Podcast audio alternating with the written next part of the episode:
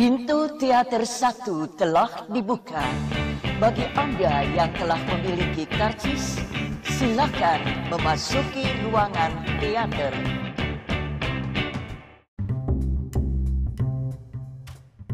Baik lagi Omogo Mustafa di podcast Habis nonton film Eh, Gimana kabar lo semua di, di waktu yang eh, Pergantian musim ini banyak banget yang lagi sakit ya Termasuk gue yang batuk pilek beberapa waktu belakangan gitu. Terus eh panasnya nauzubillah Jakarta eh, udah polusi kita nomor satu sedunia. Panasnya bukan main macet. Ah gila pokoknya. Eh, orang-orang yang berhasil hidup di Jakarta ya tanpa marah itu gue yakin masuk surga sih. Yang yang emosinya tetap rendah terus stabil nggak nggak marah-marah tetap bersyukur. Gue yakin gue yakin kalian semua masuk surga. Eh, terberkatilah ya. Eh, anyway, gue baru aja nonton film yang udah gembar-gembor dari, tahun lalu ya, film yang menciptakan berbagai macam kontroversial. Eh, dari pemilihan director, pemain utama, terus eh, rumah produksinya yang membuat gitu. Pokoknya banyak banget pemberitaan yang yang pada dasarnya adalah teknik marketing yang dilakukan oleh rumah produksinya gitu yaitu Bumi Manusia yang disutradarai oleh Hanung Bramantio diperankan oleh Iqbal sebagai Mingke dan diproduksi oleh Falcon Pictures. Nah, eh buat lo yang dengerin ini pasti gue yakin literasi kalian cukup tinggi gitu ya. Seenggak-enggaknya lo udah pernah tahu soal bumi manusia gitu. Eh meskipun belum baca kayak gue, gue gua belum pernah baca bukunya yang eh ngebuat gue juga sedikit bersyukur ya. Kalau kalau gue belum baca bukunya, gue punya nol ekspektasi terhadap filmnya. Gue nggak tahu ceritanya mau dibawa ke mana. Gue nggak tahu bagaimana itu Mingke. Gue nggak tahu konflik apa ada di dalamnya. Gue cuma tahu sedikit tentang Nyai Ontosoro itu juga dari film Nyai dari Mas Garin gitu. Eh, karena itu karakter yang sama, tapi diperankan oleh orang yang berbeda. Nah, trivianya yang jadi Nyai di film Nyainya Mas Garin itu jadi pembantunya Nyai Ontosoro di film Bumi Manusia. Itu trivia. Trivia pertama. itu dia. Eh eh, apa lagi ya? Eh itu sedikit informasi terhadap filmnya. Eh, secara garis besar, film ini ngebuat gua sedikit nggak sedikit sih, cukup merasa menikmati alur film sepanjang 3 jam nyaris 3 jam ini dan berhasil menekankan fungsi utama sebuah film yaitu suspense of disbelief. Nah, eh, film yang baik adalah film yang bisa membuat kita tidak sadar kalau kita sedang menyaksikan sebuah film. Film yang baik membuat lu jatuh terjerumus ke dalam cerita sehingga eh, kita menginvestasikan eh, apa ya pikiran dan perasaan kita terhadap cerita yang ada di depan layar perak yang ada di depan kita gitu.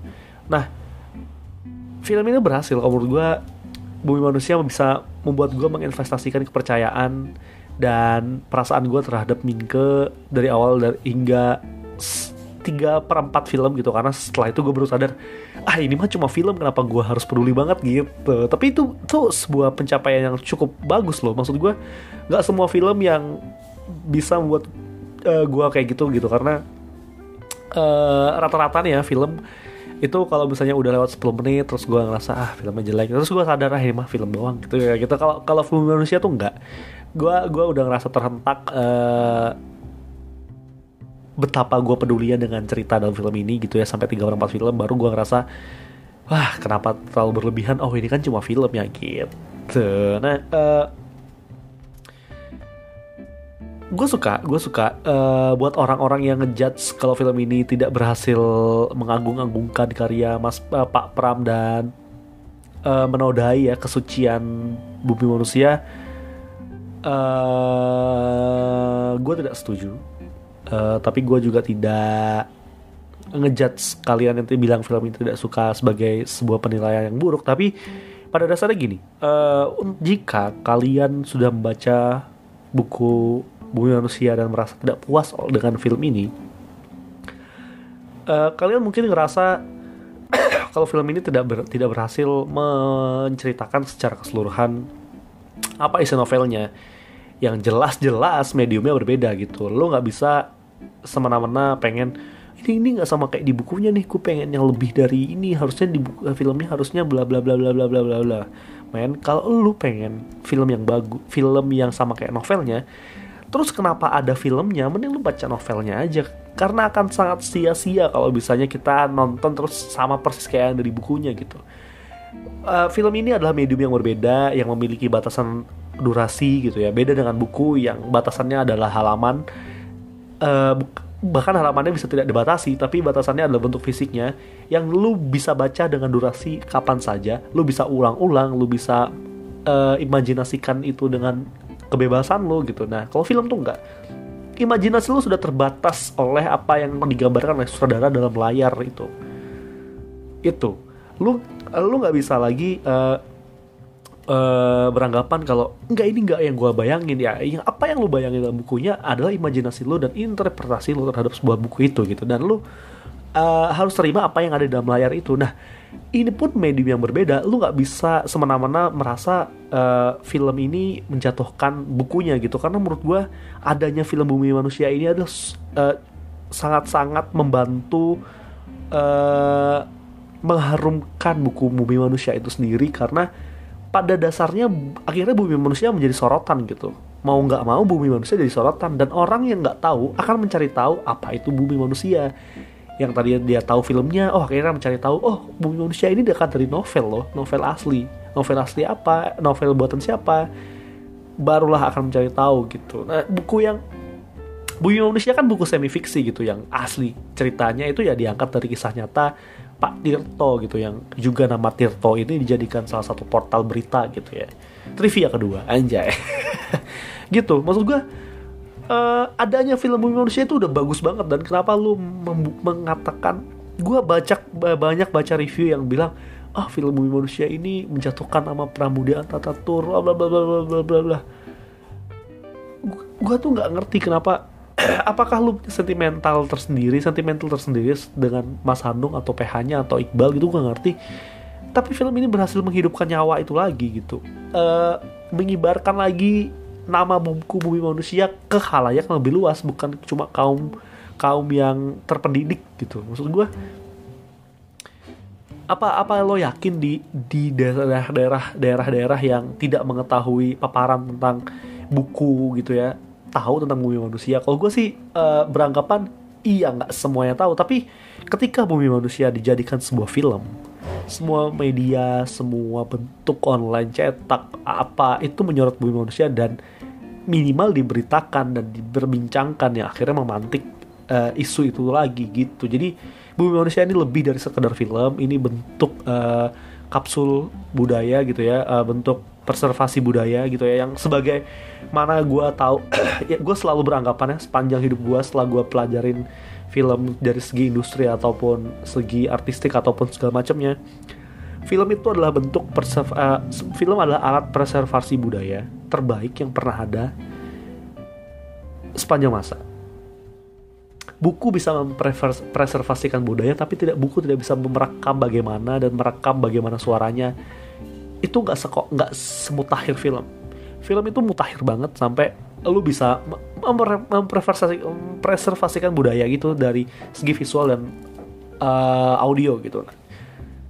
Adanya film Bumi Manusia yang jika kita tonton 10 tahun lagi ada banyak hal yang bisa disimpan dan bisa dibahas lagi gitu. Meskipun tidak menceritakan tahun era di masa pembuatannya tapi minimal film Bumi Manusia bisa flashback jauh ketika tahun 1900 awal yang bisa banget uh, menciptakan banyak pembahasan di masa ke depan masa depan gitu. Dan gue gue sangat terganggu gitu. Gue gue gue tuh gue tuh berusaha. Gue tadi bilang gue nggak nggak akan ngejat seorang ya uh, kalau penilaian lu beda penilaian lu beda kalau film ini jelek atau film ini bagus film ini jelek film ini tidak menghibur. Itu penilaian yang berbeda dengan arti lain. Uh, itu subjektif gitu. Maksud gue lu boleh banget bilang ini film ini jelek film ini tidak bagus film ini tidak menghibur tapi kalau lu bilang bilang film ini menghina karya Pak Pram gue gak setuju sih. Film ini makin mengharumkan film ini mengangkat lagi namanya. Karena gue tidak melihat melihat sisi buruk film ini gitu loh yang bisa menjatuhkan betapa agungnya buku bumi manusia gitu. Ya mungkin kalau kita serahkan uh, film ini ke sutradara yang lebih handal gitu ya. Yang ya itu juga 50-50 gitu. Kayak Seden eh Seden kayak kayak kucing dalam karung gitu ya bisa jadi iya bisa jadi enggak gitu. Kayak misalnya uh, eh, gue tuh sempat dengar obrolannya dengan Mas Garin gitu. Mas Garin bilang kalau ini kalau nggak salah nih ya uh, Mas Garin itu dua minggu sebelum tayang eh dua minggu sebelum tayang dua minggu sebelum produksi itu dia yang ditunjuk sebagai saudaranya sampai akhirnya dia digantikan kalau nggak salah ya dua minggu sebelum produksi. Atau satu minggu gue nggak ngerti. Jadi urutannya sebelum Mas Hanung itu Mas Garin lah yang ditunjuk sebagai sutradaranya. Sampai akhirnya digantikan Mas Hanung. Nah sebelum itu gue sempat denger dan ketika gue lagi dalam suatu workshop gitu ya Mas Anggi Umbarat bilang kalau dia sedang dalam masa develop dan riset tentang film Bumi Manusia ini.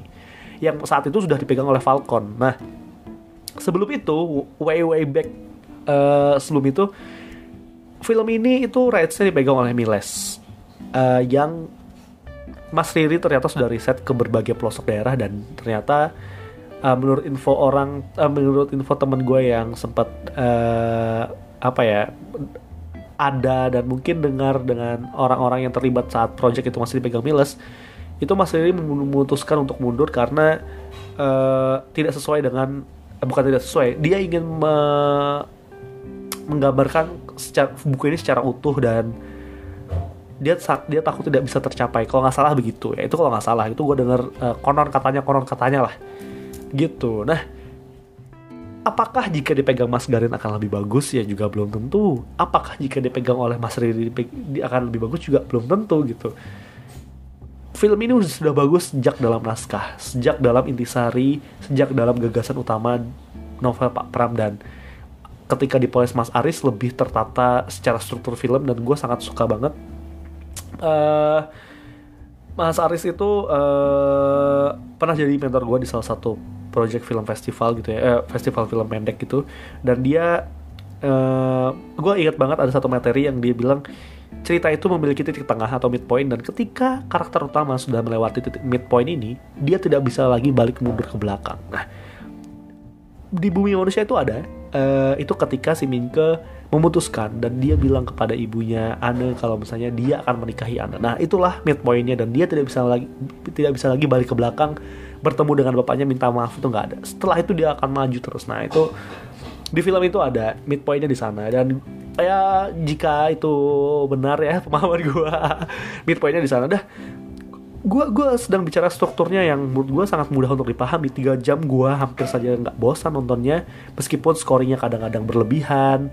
Uh, terus uh, editingnya kadang-kadang cuttingnya nggak pas gitu.